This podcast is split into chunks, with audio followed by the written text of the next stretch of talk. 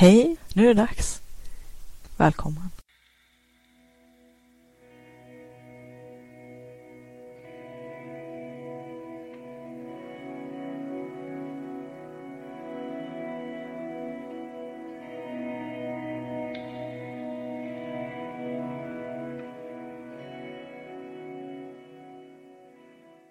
Vill du uppleva mera kreativitet och flow, få mer kvalitetstid till ditt skapande och kreativa liv, mer energi och lust, tillgång till dina kreativa superkrafter? Då har du kommit helt rätt. Välkommen till Kreativitetspodden. Hoppas att du ska ha en trevlig lyssning. Det här är avsnitt 14 och jag är återigen på hemmaplan, sitter vid mitt pärlbord och tänkte fortsätta prata lite grann om de här hindren som vi sätter upp för oss själva att eh, komma igång med vårt skapande och nå fram till vår egen kreativitet. Sånt vi gör för att eh, ibland sabotera lite grann. Eftersom att det här med att eh, vara sårbar och att eh, lära känna sig själv och hitta till sitt autentiska jag kan vara ganska smärtsamt. Vi kan till viss del ägna oss eh, en hel del åt eh, självsabotage. Att eh, vi dels inte prioriterar tillräckligt för att nå fram till det vi egentligen vill göra. Och dels att vi intalar oss att det är en massa saker som vi måste göra först. Innan vi kan komma igång med vårt skapande eller med vår kreativitet. Eller gå på djupet och lära känna oss själva och mer och mer närma oss vårt autentiska jag och ta ut kursriktning för vart vi vill gå och vad vi egentligen vill. Ett sådant sätt är ju som jag nämnde alldeles nyss att man helt enkelt sätter upp en nästan omöjlig lista på saker som man måste göra först. Saker som måste bli klara, saker som måste fixas, eh, saker som inte är fixade, saker som man måste skaffa och igen då det här med att eh, alla planeter och stjärnor ska stå i rak linje för att vi ska känna att allting är rätt. Medan det många gånger kanske handlar om lite flykt och skyddsmekanismer som vi ägnar oss åt för att liksom inte riktigt se på riktigt att vi ägnar oss åt självsabotage. Eller så kanske det är det att vi har lite otur när vi tänker. Att eh, på något vis så vill vi ju känna oss duktiga och, ha, och göra rätt och göra allting i rätt ordning. Att vi måste ju göra det vi ska först. Och det är ju lovvärt och bra. Men som jag pratade om i förra avsnittet, det här med att prioritera. Att vi har en tendens att skriva oändligt långa att göra-listor som eh, många gånger är orealistiska och till och med att vi skriver och går omkring och ältar saker som vi, om vi skulle rannsaka oss själva, innerst inne aldrig kommer att göra. Eller kanske inte ens borde göra. Det är kanske någon annan som ska göra det som står på den här listan. Ifall att eh, det är tillräckligt viktigt att det ens eller alls ska göras. Vad vet jag? Men eh, då är det ju viktigt att först och främst skriva ner allting som belastar ens hjärna helt enkelt. Alla de här måste, borde, skulle och ransaka dem. Stryka allt som man vet att man egentligen inte vill eller inte kommer att. Eller kanske sånt som man gör bara för att man borde eller skulle eller vad ska grannarna tycka eller för att man är snäll eller för att man känner att det ska man ju göra. Ransaka, ifrågasätt och stryk allting som bara belastar dig som du vet aldrig kommer att hända. Varför fortsätta att ha det på din att göra-lista? Som bara blir stressbomber. Och alla de här ouppklarade projekten som jag pratade om förra gången. Det är kanske dags att se dem för vad de är. Vissa kanske absolut du ska genomföra. De ska fullföljas. Men det är kanske är dags att göra det nu i ganska rask följd och se till att stryka dem också från listan. Om de överhuvudtaget ska vara kvar. Men eh, samtidigt som man kan skapa sig en massa hjälptriggers för att komma igång, som jag pratade också en hel del om i förra avsnittet, så kan man ju också utveckla väldigt mycket hin inre hinder, mentala murar för när det är okej okay att verkligen komma igång och göra det som man går omkring och drömmer om. Och som man vill, som man verkligen vill innerst inne. Och eh, en del av de mentala hindren är den berömda, eller ökända jantelagen eller janteandan. Att man ska inte vara så övermaga att man går omkring och inbillar sig att man och så fyller man i. Inte ska jag väl. Ibland kan det ju vara kanske ett visst mått utav um, utvecklat martyrskap. Och har man martyrskapstendenser så kanske man ska titta lite närmare på dem och försöka utreda varför man håller på med sånt och i så fall sluta med det. För, ehm, och det kanske inte är ens autentiska jag att gå omkring och, och ehm, offra sig för andras skull på ett destruktivt sätt som kanske inte bara är självdestruktivt och inte bara handlar om att man nästan är självuppoffrande så att man eh, eh, ja, håller på att rippa bort sitt eget liv, sig själv och det man egentligen eh, vill och borde göra och vara. Utan det kanske också handlar om ett sätt att få någon slags bekräftelse och uppmärksamhet på något skruvat och sjukt sätt. Eh, alla sätt att få bekräftelse och uppmärksamhet på är ju inte bra. Och handlar det om eh, någon slags förklädd offerkofte-grej, att man eh, kör den här martyrskap i tre akter för att känna sig viktig eller för att känna sig behövd eller för att, ja, vad man nu har för skäl, för att få någon bekräftelse eller kanske helt enkelt bara någonting att gömma sig bakom. Att inte ska väl jag. Och jag som måste, och så har man en massa saker som man måste göra för andra. Men det kan ju vara saker som man gömmer sig bakom helt enkelt för att skydda sig från det man egentligen borde. Så det där får man ju sätta sig ner och tänka lite grann på för, för sin egen del. Varför gör jag vissa saker? Och eh, vad är min motivation och, och, är det sånt jag ska fortsätta med egentligen? Kanske dags att lägga ner en del av de där, utav de där prylarna. Om det har handlat om att man kanske frivilligt eller ofrivilligt eller för att man inte tänkte sig för eller för att det bara blev så att man råkade bli en, eh, en servicestation eller serviceenhet för alla andra. Då kanske man också måste fundera det är ju naturligtvis jättetrevligt att känna sig behövd och um, få bekräftelse och sådär. Eh, bara hjälpa andra, det är jätte, jätteviktigt och jättebra. Speciellt ens nära och kära. Men om, om det är eh, en del martyrskap i tre akter och en del eh, offerkofta och en del att eh, ha någonting att skylla på för att man inte vågar ta tag i sina egna önskningar och drömmar och sina egna behov. Och eh, en del prokrastinering helt enkelt. Att man självsaboterar. Ja, då kanske det också är dags att börja fundera lite grann. Varför gör jag det här? Och, och saken är ju den jag pratade tidigare om att eh, många i ens omgivning kommer ju inte, kommer ju, eller en hel del personer riskerar man ju, det beror på vad man är i för sammanhang och vilka typer av personer man har i och vilka relationer man har och vilka olika sorters eh, relationsdynamiker man har hamnat i. Vilka roller och vilka mönster som, som det här med ens roll och mönster i, i olika delar av livet, eh, de eh, faller man ju lätt in i och hamnar ju i av olika skäl och blir kvar i. Också av olika skäl.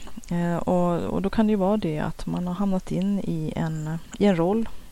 Eh, man har fått förväntningar på sig och man försöker alltid leva upp till de förväntningar man har på sig. Och man kanske själv har varit med att eh, bygga upp mönstren och rollerna som man sen blir fast i.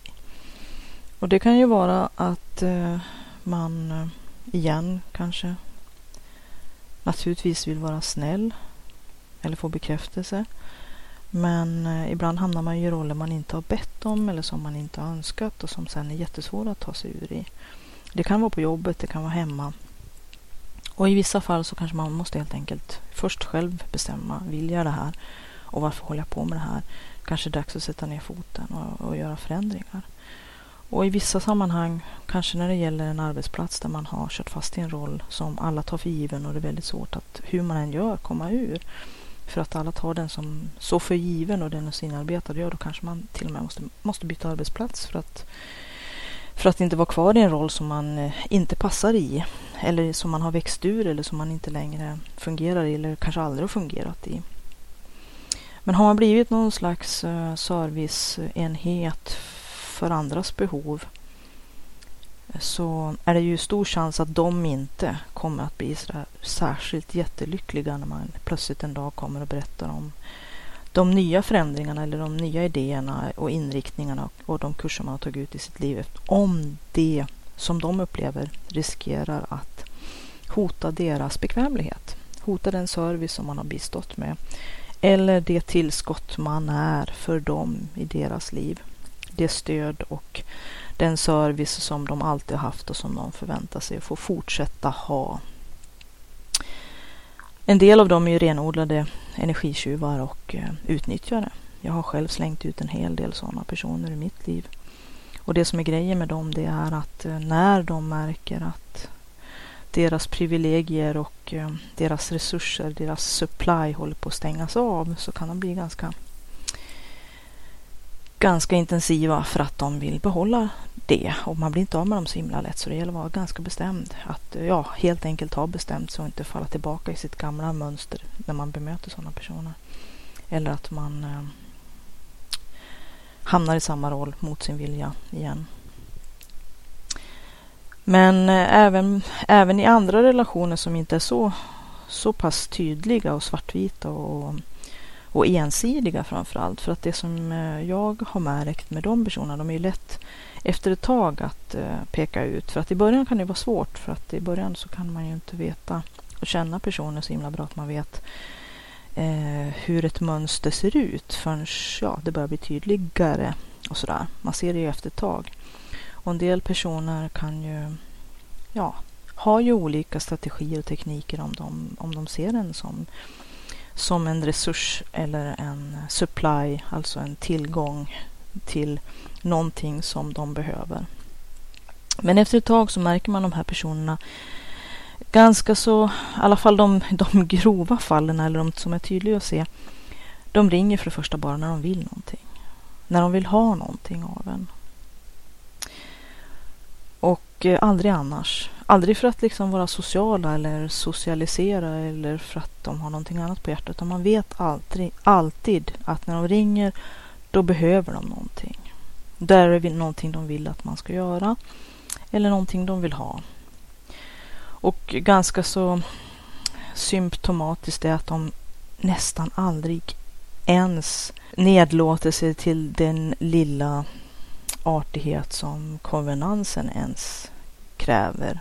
Det vill säga att fråga om inte annat av rent artighetsskäl hur man har det eller hur man mår eller någonting. De är helt ointresserade utav det och det är högst, högst um, ointressant ifall att uh, det, det är liksom samtalet brukar alltid börja med vad de vill ha, vad de behöver och om man kan.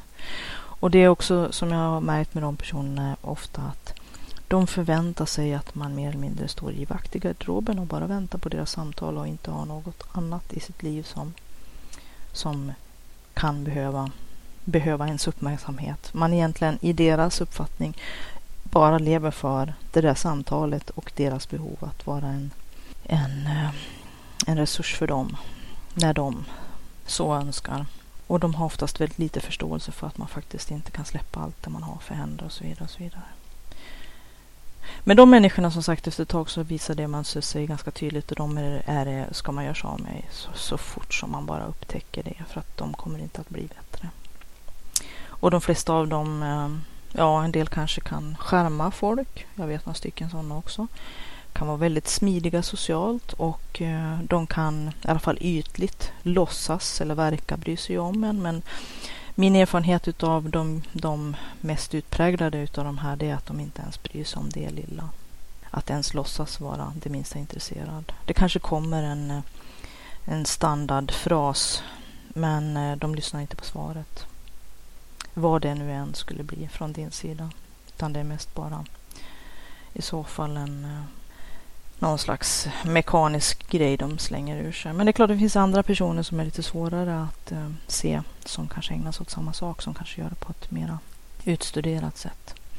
Det måste ju du kolla i ditt liv eh, och eh, också fråga varför du kanske låter dem hålla på med det här. Då. Ifall att det har fått pågå för länge. Är det för att du är rädd för konfrontationer eller för att eh, vara ensam eller för att du någonstans inbillar dig eller känner att du får någon slags bekräftelse eller någon slags berättigande. Eh, att du känner dig behövd och sådär. Fast de här personerna de eh, skiter egentligen i dig. Det handlar inte så himla mycket om att du behövs. De behöver någon som kan vara deras dräng helt enkelt. De kan ju förstås vara enkla. Eh, lite svårare att bli av med, det är min erfarenhet. En del de fattar vinkeln när den kommer. Men en del kan eh, bli ganska påstridiga och aggressiva. En del faktiskt kanske verkar acceptera men eh, sen provar de om de kan komma tillbaka. Eh, när allt ska vara glömt och förlåtet. Så det gäller ju att vara vaken så att man inte får tillbaka samma energitjuvar i sitt liv igen. Att de bara blir ett återkommande problem. Och det är lite negativt att prata om sådana saker men det kan ju vara angeläget att se vem som vill vad med den och varför. Det är klart man inte ska gå omkring och, och tro eller anklaga eller känna att alla bara försöker utnyttja en för så är det verkligen inte. Men det finns en del som har satt i system och de kanske inte alls finns i ditt liv eller så kanske det finns många av dem eller så kanske det finns någon enstaka. Jag har i alla fall haft några stycken av den här sorten och de har jag successivt eh, gjort mig av med eftersom att jag mer och mer har börjat tröttna och ser mönstret efter ett tag. Vissa är som sagt oerhört tydliga eftersom att de inte har mer farstu, inte mera uppfostran och inte mera artighet så att de kan vara ganska påstridiga och ångvältsaktiga och de, de eh, känner man ju av när de börjar att kräva saker.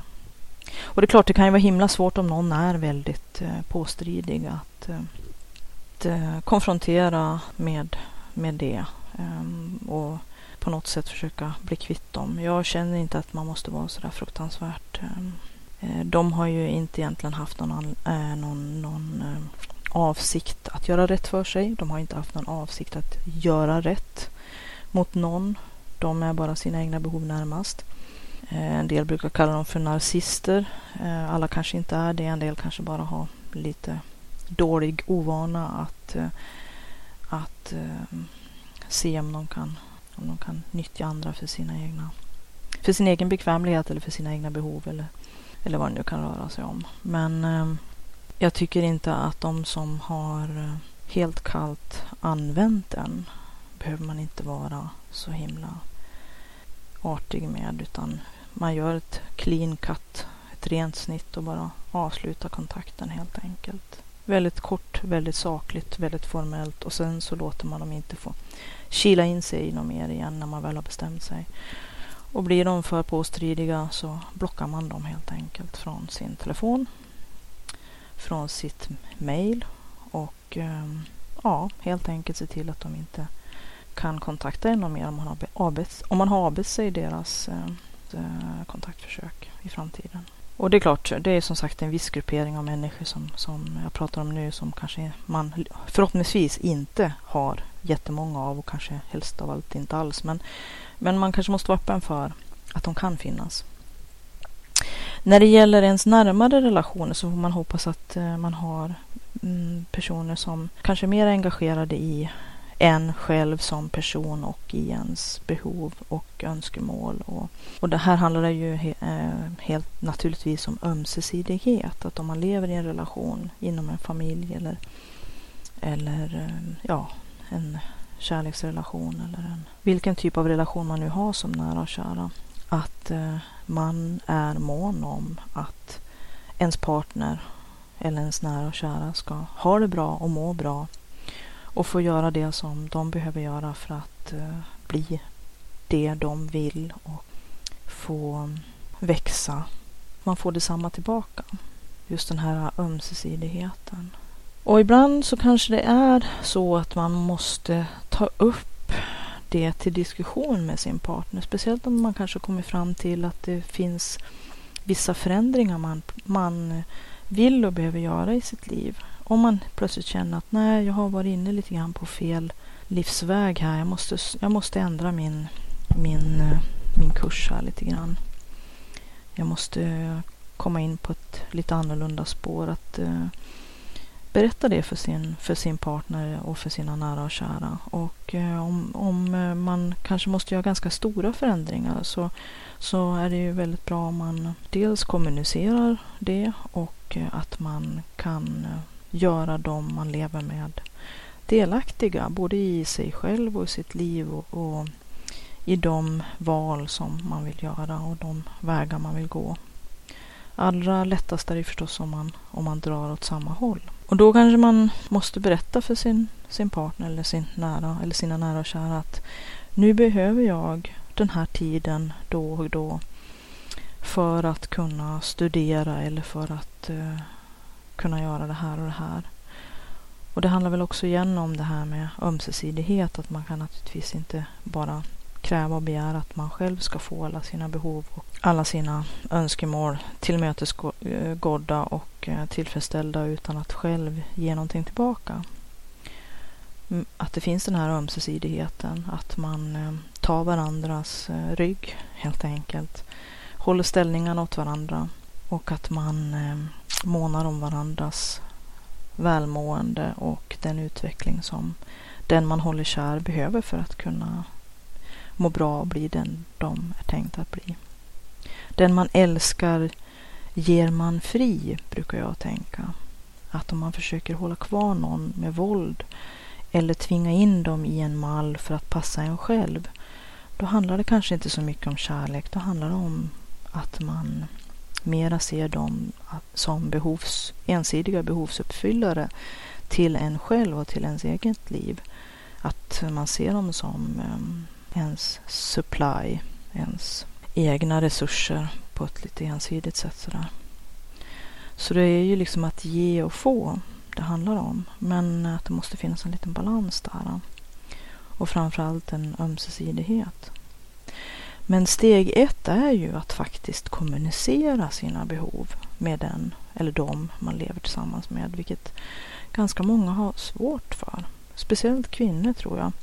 Vi är ju uppfostrade till att tvingas in lite grann i en schablon eller en stereotyp eller en mall utav att vara omhändertagande och ehm, självuppoffrande och stå tillbaka och inte visa aggressivitet och inte ha alldeles för starka åsikter eller egna behov utan vi ska vara kittet i relationer, hålla familjen samman, vara familjens projektledare, hålla reda på alla anhörigas födelsedagar och eh, inte bara ens egna släktingar utan även om man nu är tillsammans med eller gift med en man så ska man hålla reda på hans släkt också. Se till att presenter blir inköpta, att julgardiner blir uppsatta, att mat finns och eh, att alla behovs, behov är tillgodosedda och att man har skapat eh, eh, ett hem och eh, håller samman familjen helt enkelt. Och det är väl inget fel i det, men det är ju det här med det här ensidiga igen då.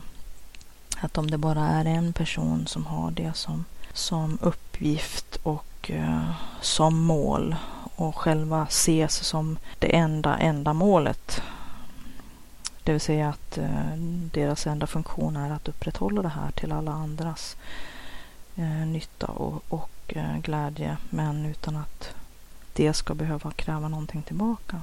Ehm, det ser inte lika ut i alla familjer men jag tror att det är ganska vanligt. Jag, jag blev lite upprörd faktiskt när en av mina, de som jag delade omklädningsrum med en, en, en dam sa att hon hade julstressat som vanligt och jag är ingen, ingen stor fan utav att eh, göra alla de här festligheterna så som kanske kommersiella krafter vill att vi ska göra dem och alla de här eh, måste och skulle och borde och eh, liksom hela här, eh, det här skuldmaskineriet kring att eh, eller den här tävlingen tomtebolycka som som eh, vi kanske mer eller mindre sysslar lite grann till mans. Att alla vill vi visa att vi har det bra utåt det här med fasader och ehm, hur saker och ting ska vara och vad grannarna ska tycka och tro och allt det där som hänger med hela det paketet. Men, men då i alla fall så hade hon ehm, stressat som vanligt inför jul med alla julklappsinköp som ska göras. Och all julmat och allt julbak och allt ja, allt pyntande, allt som, som alla i familjen förväntar sig bara ska finnas där då när julaftonen kommer. Och hennes man hade väl då, när hon hade kanske beklagat sig lite igen, kanske man måste se över lite grann sitt martyrskap också, men, men också kanske ifrågasätta vem ska göra vad och varför och är det bara en, ens ansvar det här? Det som vi förmodas ska ha tillsammans. I alla fall så hade hon väl kanske varit lite stressad och han hade väl liksom lite, lite nonchalant sagt att ja, jul blir det ju i alla fall. Och då måste jag ju säga att eh, jag hade nog lagt ner verksamheten ganska radikalt och sagt att då fick det nog vara. Men eh, det är jag det. Många kvinnor är ju fortfarande kvar i sådana här relationer där de kanske inte ens blir värderade för det som de gör. Men sen kan man också vända på steken och säga eh, vem har bestämt att allt det här ska göras? Och allt som är alla de här måste och skulle och borde som vi... Ibland är ju en del krav som vi sätter upp, inre krav som, som eh, saker som vi känner, känner själva att vi förväntas eller förmodas leva upp till. Och ibland kan det vara både verkliga och upplevda yttre krav som pressar oss till att eh, försöka fylla en norm, en, en, eh, en mall som andra har sett ut åt oss, åt oss. Att så här ska det vara, så här ska det se ut, så här ska det göras och det här måste du. Och, och kraven kan bli ja, ganska, ganska stora. Men sen är ju också frågan, ska vi leva Ska vi, ska vi spela med i det här i alla punkter? Jag menar, igen kanske man måste ifrågasätta vilka delar tycker jag är okej? Vilka delar vill jag ha? Vi kanske inte ska ha det traditionella julfirandet överhuvudtaget. Eller vi kanske ska ha ett julfirande på våra villkor och att vi kan välja de delar vi själva vill ha. Att vi delar det i hela familjen. Så att, eh, och det är klart, har man installerat, eh, det är väl det som är lite svårigheten, har man eh, skapat och installerat eller har traditioner av hävd som har funnits länge eller, eller alltid förutom alla de här kraven i det yttre som, som lätt kan kletas på oss vare sig vi vill ha dem eller inte utifrån. Både utav släkt, vänner, grannar, utav samhälle och utav en massa värderingar och filmer och media och ja, trycket kommer ju från alla möjliga håll. Men egentligen så är det ju fortfarande vi som bestämmer över vårt eget liv. Ska vi köpa hela det här paketet? Eller ska vi själva välja vilka delar eller kanske inga delar vi vill ha i det här?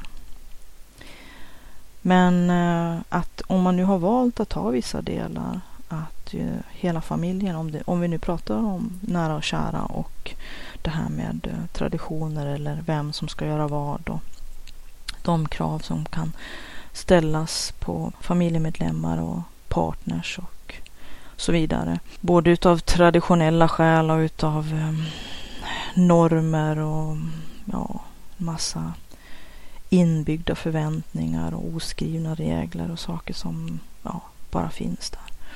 Vi behöver inte ställa upp på det. Inte ett skit egentligen faktiskt. Vi måste ju naturligtvis eh, sätta oss ner med oss själva först och bestämma, vill jag ha det här? Och, eller hur vill jag ha det?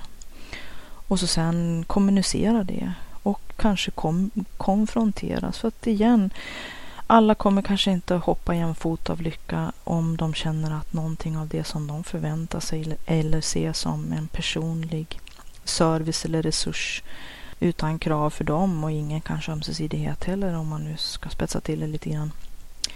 Om någon tar ifrån dem det som de känner sig berättigade till eller är vana att få, då är det ju risk att de kommer att sätta ner hasen i backen. Och ja, vi får en liten en liten konflikt eller lite friktion eller kanske måste konfrontera både oss själva och andra med alla de här sakerna som så lätt blir djupa mönster och eh, saker som vi sen kan få lite svårt att eh, komma ur. Både hemma som sagt och på arbetsplatser kan det bli så här och eh, ja, i en, i en hel del andra relationer som man kan ha. Och en del av dem är ju lätta att antingen avsluta om man känner att de inte faktiskt fyller något syfte längre. Eller kanske aldrig har gjort det. Eller att de helt enkelt tar mer än vad de ger. Igen det här med 60, 40 minimum 60 plus. Ärligt, egentligen helst mer. Men att om, om det tar mer än vad det ger, då kanske det är dags att se över och ta sin mats ur skolan. Ifall att det inte går att lösa på, på något annat sätt. Genom att man kommunicerar och har en, en motpart som också är beredd att gå sin del av sträckan. Gå halva vägen. Och det var ju en eh, lång räcka, eller lång sträcka för att komma fram till det som jag hade tänkt nämna. Och det var just det här med att om man har bestämt sig för någonting som man vill förverkliga en ny man kanske slagit in på en ny livsstig eller kanske vill ta tag i någonting som man har lovat sig själv för väldigt länge sedan men eh, på något vis har satt upp en massa hinder för att förverkliga och att man nu känner att man vill ta tag i det äntligen så, så måste man kommunicera det till, sin, till sina nära och kära och sin, sin partner eller sina partners. Då kan det ju handla om att eh, berätta att eh, nu tänker jag ägna en eller två timmar i veckan åt det här på de och de tiderna och då vill jag vara ostörd. Och sen kanske man måste komma fram till, förhandla lite grann fram och tillbaka för att skapa det utrymmet och eh, veta att man har sin familj och sina nära och kära och de som, som eh, kanske omedelbart kommer att eh, märka av det här och som kanske också måste stötta en eller, eller åtminstone inte sabotera det här för en. Att de ska vara informerade och att man har kommunicerat det och kommit överens. Och att det finns en ömsesidighet i det här. Att om du åker till din bokcirkel två timmar i veckan så vill jag ägna mig åt mitt skrivande två timmar i veckan. Nu är jag ganska mycket emot att det kanske blir någon typ av affärsuppgörelse. Relationer är ju inte affärsuppgörelser att om du får ditt så får jag datt och sådär. Men det kan inte vara för stor obalans i det här. Att det är någon som bara kan förvänta sig att göra allt det de vill utan att, att det är överenskommet och att eh, motsatta sidan kanske alltid är den som ska bli sittande hemma med ungarna eller hålla ställningarna eller vad det nu handlar om. Det kan ju också faktiskt handla om någon som är arbetsnarkoman och som eh, gör att den andra personen i, i princip är ensamstående förälder men inte har delad vårdnad i praktiken. Att man ser över den livssituation man är i och eh, vilka relationer man är i och, och hur man kan kommunicera saker som måste förändras för att eh, det helt enkelt inte fungerar. Och att man också måste ta ett nappatag med sina egna självsabotage. För att som sagt det är väldigt lätt att hela tiden sätta sig själv längst ner på listan över behov. Och om man gör det, vilket är väldigt, väldigt vanligt, speciellt bland kvinnor. För att av kulturella, sociala och ja, en massa skäl. Och för att vi är uppfostrade till och har internaliserat det här ganska mycket. Inte alla, men, men rätt många och kanske har svårt för att eh, hävda sina behov. Men det kan ju också vara ett väldigt bra skydd att ju liksom hela tiden se till att man har sig själv längst ner på listan för att då behöver man ju faktiskt aldrig leva upp till. Så att eh, man får vara lite uppmärksam på sig själv där också. Ibland kan det till och med vara så att det är ingen som kräver det av dig. Alla de här yttre kraven och de här inre kraven, en hel del av dem är ju, är ju sånt som kan vara helt och hållet interna vi har ju alla till mans en hel del sådana här äh, tendenser till att äh, sabba för oss själva och kanske se att det, eller känna att det är någon annans fel eller att det är lite grann det här äh, NAP-fältet som Douglas Adams skriver om i Liftans guide till galaxen. Någon annans problemfältet. Hamnar man lite grann i den fällan och känner att, att det är inte ens eget ansvar eller att man inte vill göra det till ens eget ansvar. Så ja, då är vi ju egentligen, har vi ju det perfekta skyddet för oss själva att aldrig behöva konfrontera eller uppleva obehag för att det är någonting som vi själva behöver göra för att skapa de här förutsättningarna.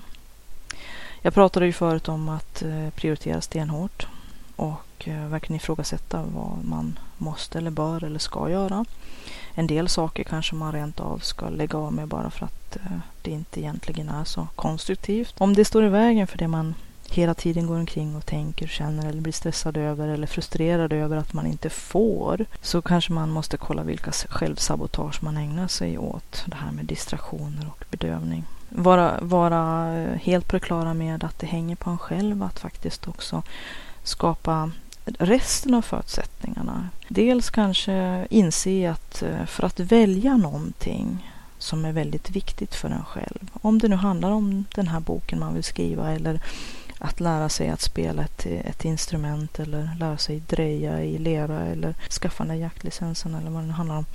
Förverkliga en idé, springa Lidingöloppet eller göra Vasan eller vad det nu är för någonting. Så måste första steget vara att välja, att aktivt välja det här som man vill förverkliga.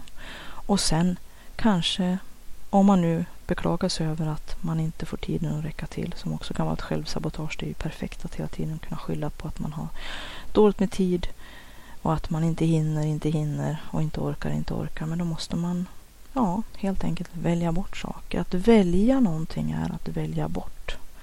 Det har jag ju pratat om lite grann förut. Och eh, någonting som jag pratade i förra avsnittet om det här med att beta av de värsta, värsta stressbomberna eller det som man kan klara av i sin långa digra lista på saker som man måste göra. En del saker kanske man helt enkelt bara måste stryka. Men det kan också handla om att man hela tiden pratar om att jag måste bara. Lite grann som Alfons Åberg, om man nu har läst om barnböckerna.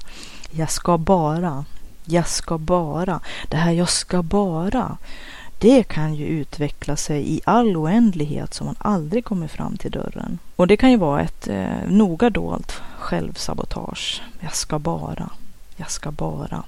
Att man på något vis alltid måste eh, eller att man har som, som krav på sig själv att innan jag ska få lov att börja med den här kvällskursen i att eh, lära mig prata spanska så måste jag ha städat mitt, eh, mitt hus och jag måste ha mm, fixat garaget och jag måste ha ja, en massa saker. Vi har en lång, lång lista på ska bara. Eller det här måste vara perfekt, det här måste vara klart, det ska vara struket. Jag måste känna mig helt fri och ledig för att jag någon gång, eh, eventuellt någonsin, ska få lov att gå den där fotograferingskursen. Eller resa, eller vad det nu handlar om för någonting. Men det kan ju vara ett noga dolt ehm, självsabotage. Och det kan ju finnas massa delar i det här självsabotaget som vi inte riktigt har, har ögonen på för att det är ju så himla det är så himla sneaky, det är så himla lömskt med de här självsabotagerna därför att eh, liksom självbedrägeri så är de ju otroligt väl dolda. Så att vi inte ens själva ser att vi lurar oss själva med det här. Då måste man ju ta en liten funderare på det också. Liksom, 19 det här med att perfekt finns inte. Perfekt kommer aldrig att inträda. Och den här långa, långa listan på att göra saker eller den här to-do-list, den dagliga att göra-listan. Så fort vi har strukit, strukit några punkter så kommer det hela tiden fram nya. Det kommer alltid att vara så, varje dag. Vi kommer aldrig att att den dagen när vi liksom tycker att vi har kommit fram, det kommer aldrig komma den dagen när hela listan är blank eller tom att, att, att, att göra-listan den kommer ju liksom alltid att vara fullklottrad. Så fort vi tar bort någonting så kommer den bara fyllas på ner, nerifrån. Och det är ju inte egentligen i sig någonting negativt. Livet pågår hela tiden. Det kan vi inte som stänga av eller liksom eh, bli kvitt. Eh, det kommer alltid bli några nya tandläkartider som ska bokas in och, och, eh, ytterligare bildäck som ska bytas och ytterligare en besiktning och ytterligare en, ja, liksom hela tiden så är det ju massvis med sådana saker som att ha en väldigt väl fungerande och effektiv tidslista liksom på vad man ska göra varje dag som jag pratade om i tidigare avsnitt om det här med att eh, kräka ur sig via morgonsidorna allt det här som, som, som all bråte, all skit som sitter i vägen, liksom som chokar en. Få det på papper, bara kräka ut det varje morgon, tre sidor innan man har åkt iväg, innan man sätter igång med dagen, under tiden man dricker sitt morgonkaffe eller vad man gör för någonting. Och där kommer man se de upprepade mönstren av sånt som alltid sätter sig på tvären, alltid förhindrar en att komma vidare, som alltid stressar en och de här mönstren. Eh, men också är det en bra hjälp då att veta vad man faktiskt borde stryka från sin att göra-lista. De här sakerna som hela tiden tar så mycket energi, som bygger så mycket mentala hinder. Som man har en tendens att eh, hetsa upp sig och älta och eh, tugga fradga jättelänge över. Och sen när de väl blir gjorda kan det nästan bli en antiklimax. Se till att hålla de där listorna i schack. Men inse också att att göra listorna kommer aldrig att sluta fyllas på. Och då gäller det ju naturligtvis att prioritera stenhårt även där. Ska jag krusa örn örngottsbanden för att nu spetsa till det lite grann? Sånt höll ju kvinnor på med förr i tiden. Ja, samtidigt som jag absolut inte är den som... Eh, jag har ingen lust att kränka folks interna standard över hur mycket de vill städa hemma, hur noga det är med eh, hur saker och ting ser ut. Om man nu vill krusa sina örngottsband så att de hänger vackert i våg utanför kanten på ens linneskåp och man njuter fantastiskt mycket av det, då, ska, då är det ens rättighet att få göra det. Men om man nu har för mycket sådana krav så är ju, är ju chansen att man har satt det i system, att det har blivit ett självsabotage. Att ens interna standard för en massa saker eh, ska vara ett skydd från att göra det som verkligen är viktigt för en själv. För nu pratar jag inte om prestationer eller liksom vad andra tycker och tänker utan det är hur du vill ha det. Som man brukar säga, lite skit i hörnen är bättre än ett rent helvete. Hur man nu vill ha det hemma vad det gäller städning och sånt där. Hur ofta man vill byta gardiner, det lägger jag mig inte i. Men man kanske ska ifrågasätta och se över en del av alla de här måstena och, och kraven från in och utsidan. Det här äh, som kanske har nästan blivit stereotypa mallar och, mallar och normer för vad vi förväntas ska leva upp till.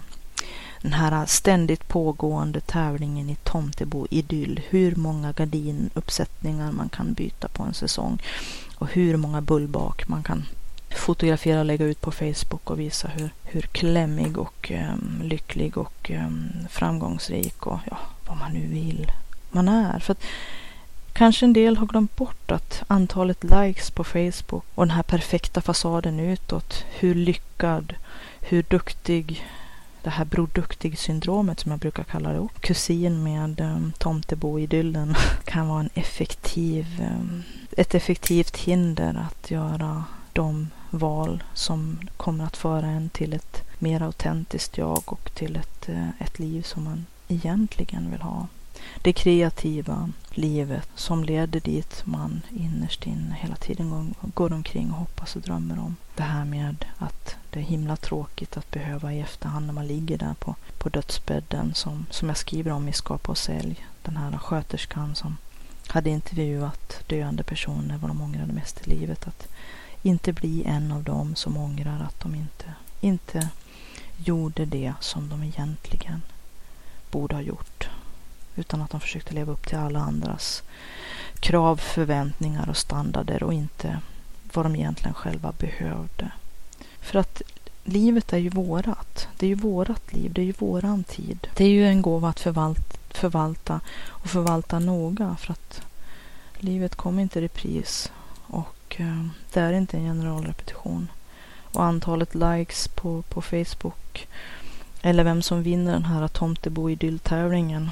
Det är inte det som kommer att utgöra grunden för ett, eh, för ett tillfredsställande och eh, kreativt liv för en person som, som vill göra mer autentiska saker utifrån sina egna val och sina egna värderingar. Inte omgivningens och eh, samhällets och våra normers vad de dikterar eller de kraven kräver. Utan det är klart att det krävs ju en hel del av en person som, som vill gå in för att leva det liv som de är tänkta att leva. Det liv som, som, är, så, som skulle ge allra mest. Eftersom att eh, som sagt att behöva kommunicera sina behov, att kanske till och med behöva konfrontera andra för att eller helt enkelt som jag sa förut om man inte kan springa rätt igenom muren eller klättra över den eller gräva under den eller försöka hitta en väg på sidan, sidorna om så kanske man bara helt enkelt måste vända på klacken och gå därifrån.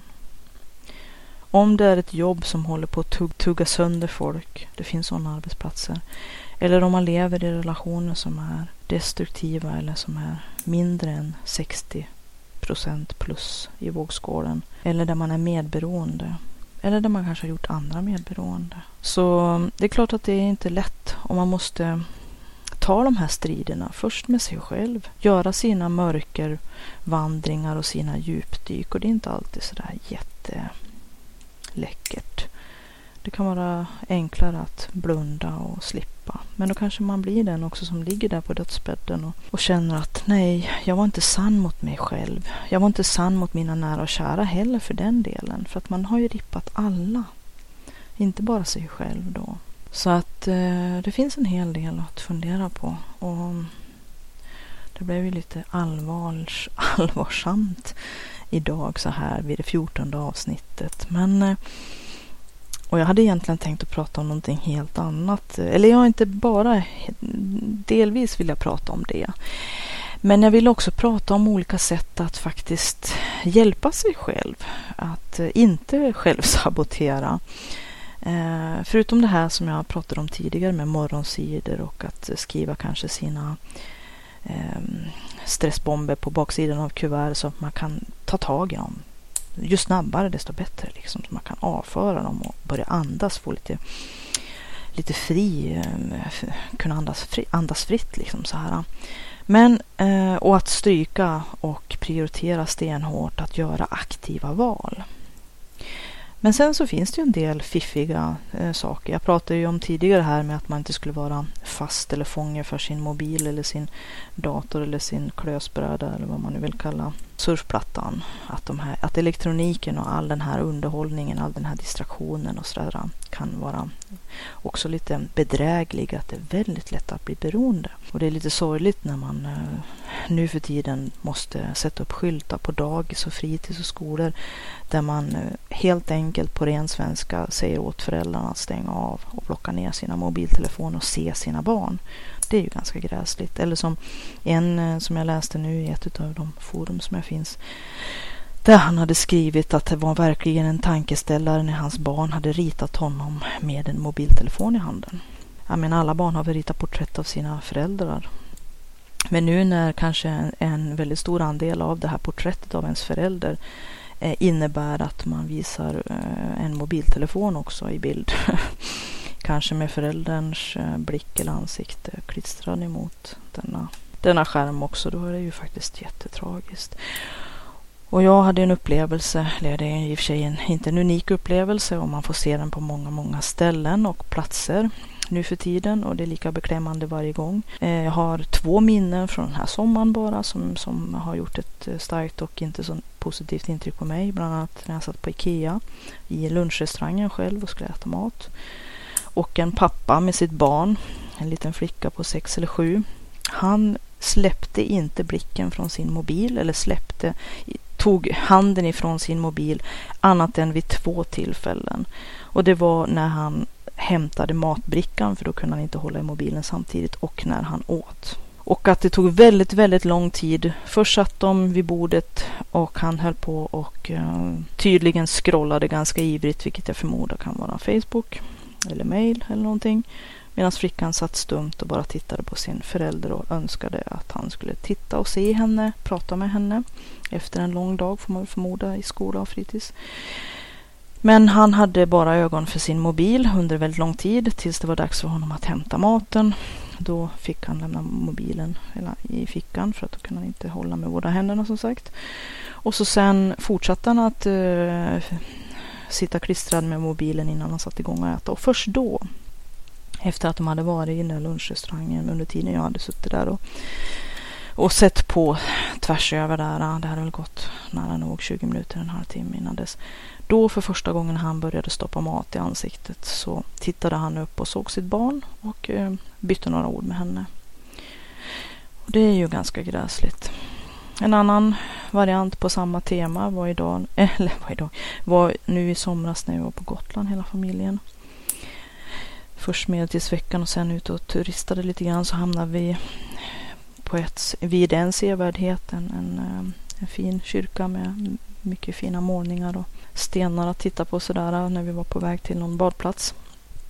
Också eh, så, så fanns det lite bord på en gräsmatta där utanför där vi bestämde oss att äta våran matsäck.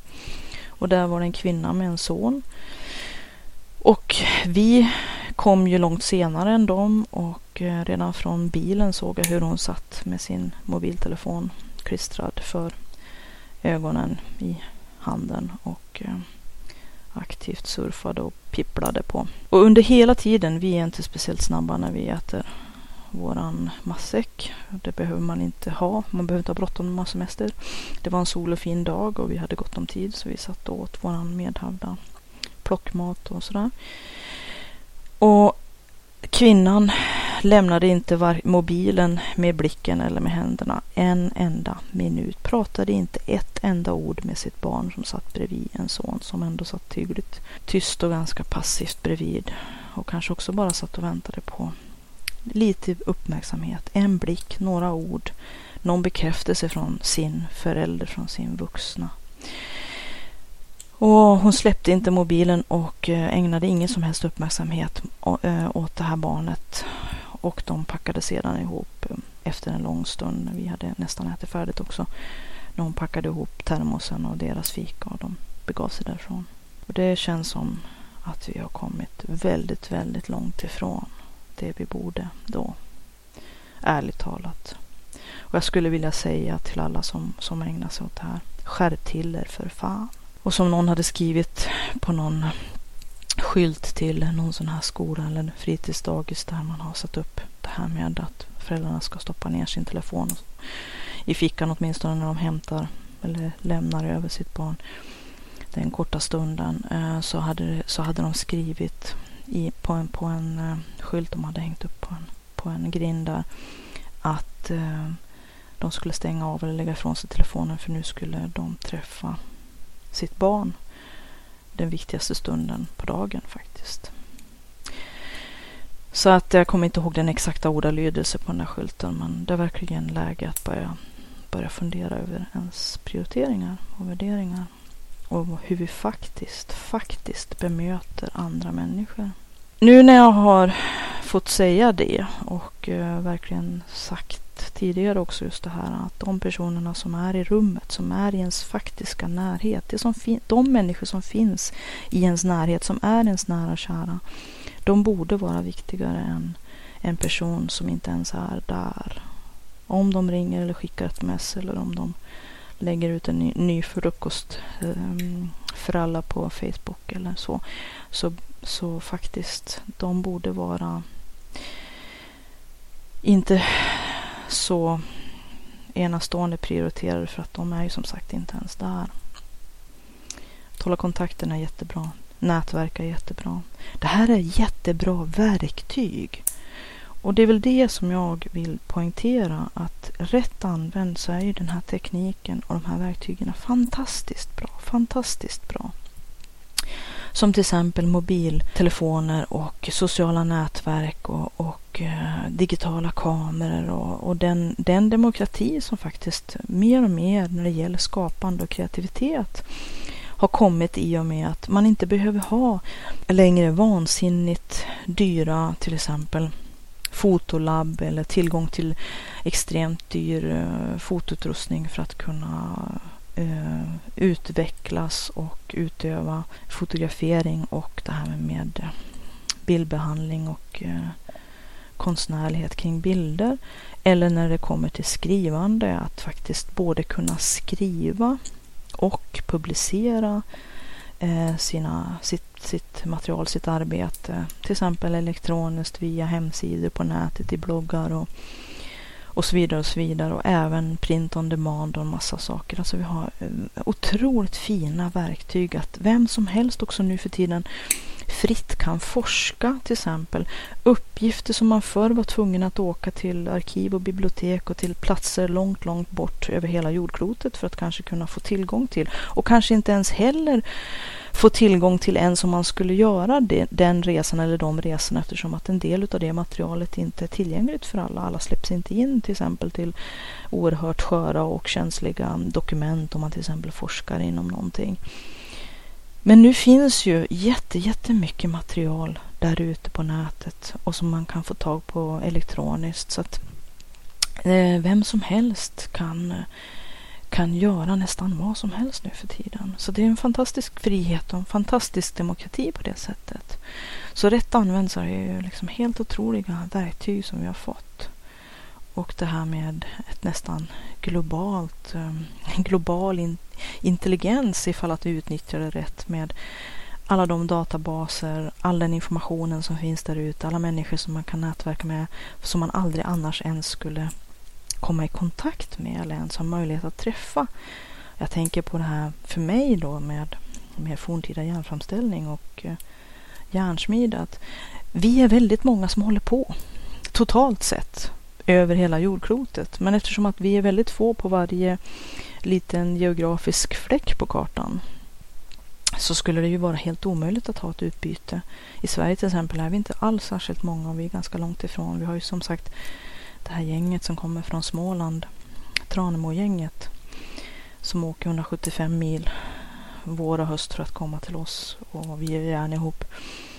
Men, men det är väldigt få på varje plats i varje land. Men globalt sett så är vi jättemånga och det nätverk, de nätverken som jag är aktiva i så, så kan man ha utbyte av. Jag har haft jättemycket utbyte med en, bland annat en japansk arkeolog som kontaktade mig två månader innan min järnbok kom ut. Och det är helt otroligt vilken tillgång, vilken resurs och eh, vilka fantastiska människor man kan möta och, och, och, bli väldigt god vän med. Först digitalt eller på elektronisk väg och där man kan ha sånt stort utbyte med bilder och videos och texter och man kan liksom i princip, ja man kan ju skypa och prata med varandra i liksom eh, man kan göra nästan vad som helst nu som förut skulle ha krävt ett fysiskt möte, att man överhuvudtaget skulle ha ens varit i de sammanhangen att man skulle ha kommit i kontakt med varandra. Eh, och sen som det har blivit för mig då att många av de som jag har mött på det här sättet har sen blivit eh, folk man har träffat även på riktigt till slut och det är en helt fantastisk grej. Så att eh, de, lika med pärlorna också, att eh, de vänner som man har som man har fått kontakt med som, som man får kontakt med som man annars aldrig skulle ha träffat. Som man är förenad kring ett och samma intresse likasinnade som jag pratade om förut också. Det är en helt otrolig, otrolig resurs och tillgång som, som eh, förutom som jag också varmt rekommenderar faktiskt att träffa folk i de naturliga forum för det man sysslar med också som finns på närmare eller lite längre håll om man har möjlighet. Om man pratar lokalt, om man till exempel är entreprenör eller företagare eller liksom på något vis vill eh, syssla med någon verksamhet, även om det kanske inte är tänkt som hel, eh, arbete eller som heltidsförsörjning eh, eller, eller så. Men, eller när man är i den här inlärningskurvan eller man bara vill ta reda på ifall att man faktiskt vill gå vidare och ta nästa steg. Att eh, till exempel eh, kontakta, man kan kolla på kommunens hemsida till att börja med. Varje kommun har oftast ett näringslivskontor eller någonting liknande. Kolla vilka företagarföreningar och företagargrupper och företagarforum, starta eget-grupperingar som man kan hitta i sin kommun och regionalt och kanske i, i landet i Sverige till exempel. Då. Och som man också kan eh, göra samma sak fast eh, digitalt via sin dator. Det finns eh, forum och mötesplatser eh, på nätet och eh, där man men att inte bara, inte enbart ägna sig åt att sitta framför en skärm, även om att det är aldrig så givande som jag verkligen kan skriva under på. Och jag har träffat jättemånga av mina numera allra bästa vänner på det sättet. Men, men ändå bege sig ut till de ställen, till de forum i den fysiska världen där ens intresse, de människorna som har samma intresse och samma, samma är på väg åt samma håll som en själv eh, för att möta dem rent fysiskt för att det kan vara otroligt givande möten. Och eh, jag har varit på en del sådana här företags och nätverksträffar eh, och grupper. Och även att många gånger så har ju kommunens och även regionalt så finns det sådana här olika kurser och utbildningar som kan vara subventionerade eller till och med som kan vara fria från, från allt för höga kostnader för att man ska kunna vara med. Eh, som kan vara väldigt, väldigt bra. Så det kan vara en riktig kick och, och eh, man träffar som sagt eh, väldigt, väldigt bra har chansen att träffa väldigt bra människor. Om man själv är en person som är helt inne på det här med att ge och få den här ömsesidigheten. Eh, eh, jag kanske skulle ha gjort det mer från början om jag hade, om jag hade eh, vetat vilken kraft det finns i det. Men man har ju en tendens att kanske vara lite blyg också från början. Det här med företagarforum och företagarföreningar och företagarträffar och, och näringslivsgrejs eh, kan ju låta ganska så, så fruktansvärt seriöst och skrämmande och liksom storstilat och man känner att nej men oj, den rollen vet jag inte om jag kan eller vågar stå för eller liksom jag vet ju inte egentligen vad jag vill eller har tänkt mig eller om vart det här ska ta vägen. Men, men eh, jag har ju varit eh, sen på som till exempel en utbildning som handlade om det här med att um, sälja någonting som vi är lite grann i Sverige överhuvudtaget men som jag tror ganska mänskligt också har ganska stort motstånd emot som, som visserligen den, den eh, kursen som jag gick på som, som var i, i kommunens regi bekräftar en hel del av allt som jag hade läst men att det var, fortfarande jätteviktigt att eh, få höra det från livslevande människor och prata med människor i samma situation som en själv. Och ehm, att det stärker en och att det var ändå jättebra för mig att få, få göra det. Så att eh, det vill jag varmt rekommendera. Men att se nätet och skärmarna och elektroniken för vad de är som ett verktyg ytterligare ett verktyg i verktygslådan eller i, i burken med pennor och, pennor och penslar så är det fantastiskt bra. Men om man låter det styra ens liv då är det nog en, en ett förfärligt dåligt alternativ som, som ehm, kan riskera att eh, sabba en hel del av det som fortfarande är lika viktigt som det alltid har varit närvaron och nära och kära och att finnas i nuet och att göra någonting rent fysiskt i verkligheten på riktigt. Liksom. Även om att vi de facto eh, lever en hel del av våra liv elektroniskt nu för tiden också. Men att det måste finnas en balans där igen. Det finns ju en del verktyg som eh, jag pratade också om i tidigare avsnitt. Som till exempel det här med appar och listor. Sådana här eh, saker som ska hjälpa en att hålla reda på, på grejer. För att det jag tycker, tycker är lite frustrerande det är att man skriver en massa kom ihåg-grejer på en massa olika ställen och så sen så har man inte rätt lista med sig. Som till exempel det här med inköp.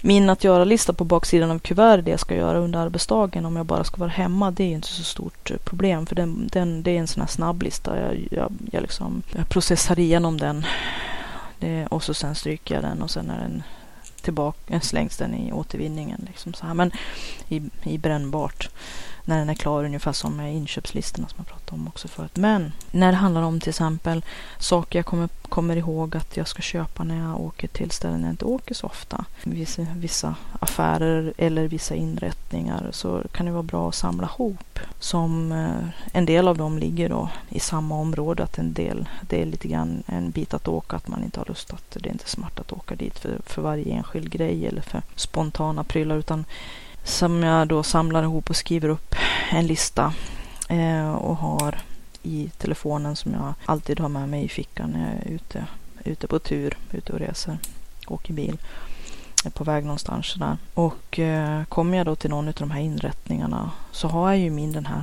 ständigt pågående listan över saker som jag har. Till exempel det här med, det funkar på samma sätt som den här matinköpslistan. Att varje gång man kommer på någonting så, så kastar man sig på listan och fyller i det. Och eh, så har man säkrat, man har en platshållare för det minnet och så behöver man inte belasta hjärnan med det mer. För någonting som stjäl hemskt mycket energi det är att gå omkring att hela tiden återupprepa och förstärka min, eh, minnesgrejer utav eh, non, ja, nonsenskaraktär kanske lite fel ord, men sånt som egentligen inte värt att belasta ens aktiva arbetsminne om man nu ska göra en liknelse med datorer med hjärnan. Att istället avlasta både sitt mentala brus, det här stressmolnet av en miljoner småsaker och småbollar som ska hållas i luften. Liksom, att man istället skriver upp det på eh, listor så att man har säkrat och sen kan släppa det tills den, det, det ögonblicket eller den stunden eller situationen eller tillfället är det rätta så kan man bara greppa den listan och, och eh, få en repetition av det som, som gäller då. Och det är ju faktiskt eh, otroligt effektivt och smart i all sin enkelhet. Sen finns det ju andra program som eh, ska hjälpa en att eh, brotta ner problem som man kan ha i och med att man lite grann kör de här självsabotagen som jag pratade om tidigare. Att man, eh, det finns eh, numera enkla spel man kan ha på mobilen som egentligen funkar på det viset att man skriver upp uppgifter som man eh, ska göra och få poäng för dem. Det är ganska fåniga saker men en del, för en del funkar det här. Eh, eh, det finns en, flera olika sådana typer av spel. Men det är många som har testat de här eh, små apparna eller småspelarna som man kan ha i datorn och man kan ha dem på sin mobil. Där man själv bestämmer vilka uppgifter och rutiner och hur, vad det ska vara för, för frekvens på dem. Saker man ska göra varje dag, saker man ska göra varje vecka, varje månad och sådär. Och så får man då poäng att man själv styr spelreglerna för det här. Alltså kan man, kan man få poäng och levla upp och ja, sådana där saker. Och att en del tycker att det är ett jättebra sätt att göra vardagsrutiner och vardagsgöra lite roligare. Och eh, att de ja, blir lite mera taggade. Att, eh, det är lite grann som det här med att få en liten belöning eller en liten guldstjärna varje gång man har gjort någonting. En belöning som, det är ju lite bättre att ha den typen av belöningar än att man ska äta en chokladbit varje gång eller röka en cigarett varje gång man har gjort någonting som en belöning, vilket kan vara ganska negativt i längden. Att eh, vettiga belöningar som, som inte är på sikt hälsofarliga kan ju vara, vara bra. Det finns också en del som ägnar sig mycket åt eh, olika typer av spel som går ut på att man eh, ska ge sig ut och och eh, så de kallar det för hackaportaler. Att man ska erövra platser och så är man olika lag och det finns en massa olika. Det finns väl ett par sådana som spel som på mob mobiltelefoner som har blivit eh, stora. Så att eh, jag tycker det kan ju vara vettigt om det är ett bra sätt att eh, se till att man rör på sig, kommer ut och utforskar nya platser. Så en del av mina vänner som sysslar med det här, de kan ju komma på sig själva med att ha, ha en del har ju sådana här äh, stegmätare också samtidigt att de kanske har gått 11 000 eller 22 000 steg för att de har varit runt äh, och jagat de här äh, portalerna utomhus på en massa olika platser för att erövra dem och få massa poäng och sådär. Och kommer man ut och rör på sig så är det ju faktiskt Starryfield en ganska bra funktion. Och man får lite roligt under tiden och kanske dessutom också blir lockad att ta sig, till platser som man annars inte skulle ta sig till. Just det här att komma utanför sina bekvämlighetscirklar. Vi har ju en tendens att alltid röra oss ut efter samma transportsträckor eller gå till samma ställen och sådär. det finns, det finns då en motivation och ett sätt att eh, hitta till nya platser. Samma sak med geocaching. Att eh, folk jagar efter eh, inom citattecken skatter, fast det kan vara små nedgrävna lådor, plåtaskar eller ja, små saker som, som man då jagar för att erövra och så kan det finnas eh, någon liten bok eller någonting man kan skriva i att man har varit där och sådär. Som också fungerar efter samma princip att man att man är motiverad att ge sig ut till platser för att eh, erövra och då är man ju ute i och rör sig och samtidigt har en möjlighet att, att hitta nya eh, smultronställen helt enkelt. Jag tycker det är ganska bra. Fortfarande då naturligtvis att man har det på en rimlig nivå så att det är ett verktyg och inte ett, blir någon, någon ny typ av missbruk eller distraktion som avhåller en från saker som, som också är viktiga och som borde vara med för balans. Så det kan jag ju rekommendera. En annan sak som jag vet, äh, känner är ganska bra äh, hjälpmedel det är äh, musik som gör en laddad. Jag har ju en del sån här mm, olika typer av musik som jag använder för olika ändamål. En del musik för att komma ner i varv, att kunna meditera, att få lugn och en del för att pumpa upp en massa energi och kraft och hitta sin, eh, ja, sitt, sitt eget eh, kraftcentra för att man ska göra någonting som kräver lite mera explosivitet. Och jag har en del saker som jag lyssnar på för att eh, lätta upp stämningen när jag känner att jag är på väg lite grann neråt eh, som kan vara lite fåniga och roliga och liksom så här, lite barnsliga till och med. Och det skäms jag inte ett dugg för.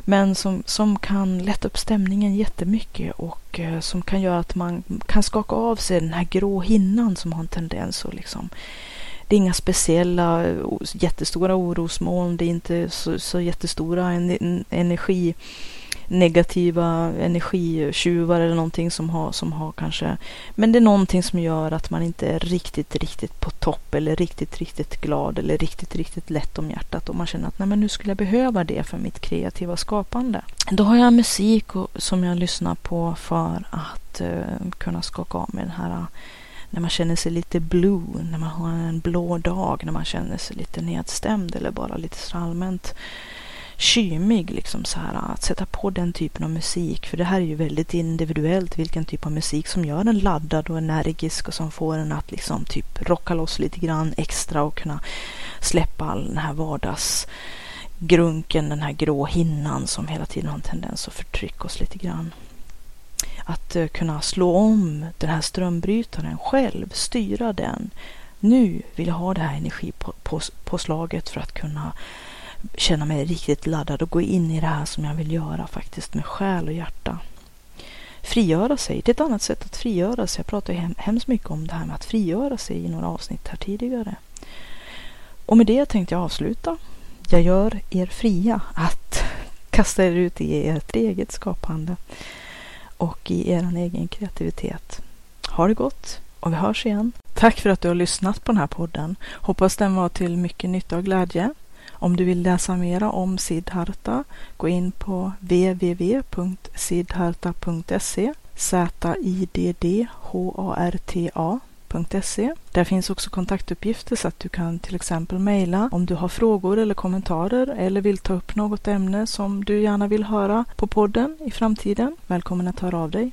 Kreativitetspodden har också en egen Facebookgrupp så att om du söker på kreativitet eller kreativitetspodden så hittar du kreativitetspodden på Facebook. Anmäl dig gärna där som följare så får du uppdateringar löpande om nya avsnitt och saker som händer på kreativitetsfronten. Du kan också gå in på www.sidharta.se och klicka på länken högst upp till vänster bidra för att se vad du kan göra för att hjälpa den här podden att fortleva och att visa ditt stöd. Så gå in där på bidra så ser du hur det går till. Jag som driver kreativitetspodden heter Katrin Sidharta Tangen och jag är författare, järnsmed, driver www.sidharta.se och Sidhartas webbutik. Jag har skrivit flera böcker, bland annat Skapa och sälj som är en handbok för entreprenörer, kreativa och skapande människor. Jag har skrivit Forntida järn, Ancient Iron, som handlar om forntida järnframställning och eh, vikingatida järnsmide. Jag har även skrivit Pitch 13 som är en serie i genren Dark Urban Fantasy och eh,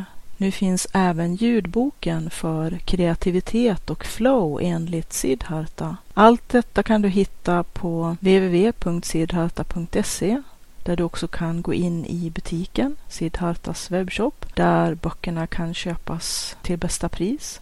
Böckerna kan också hittas på Bokus och Adlibris och på de vanliga ställena där du köper böcker. E-böckerna kan också köpas via Kobo och eh, Amazon med flera ställen där e-böcker säljs. Ha det gott. Tack för att du har lyssnat. Hej då!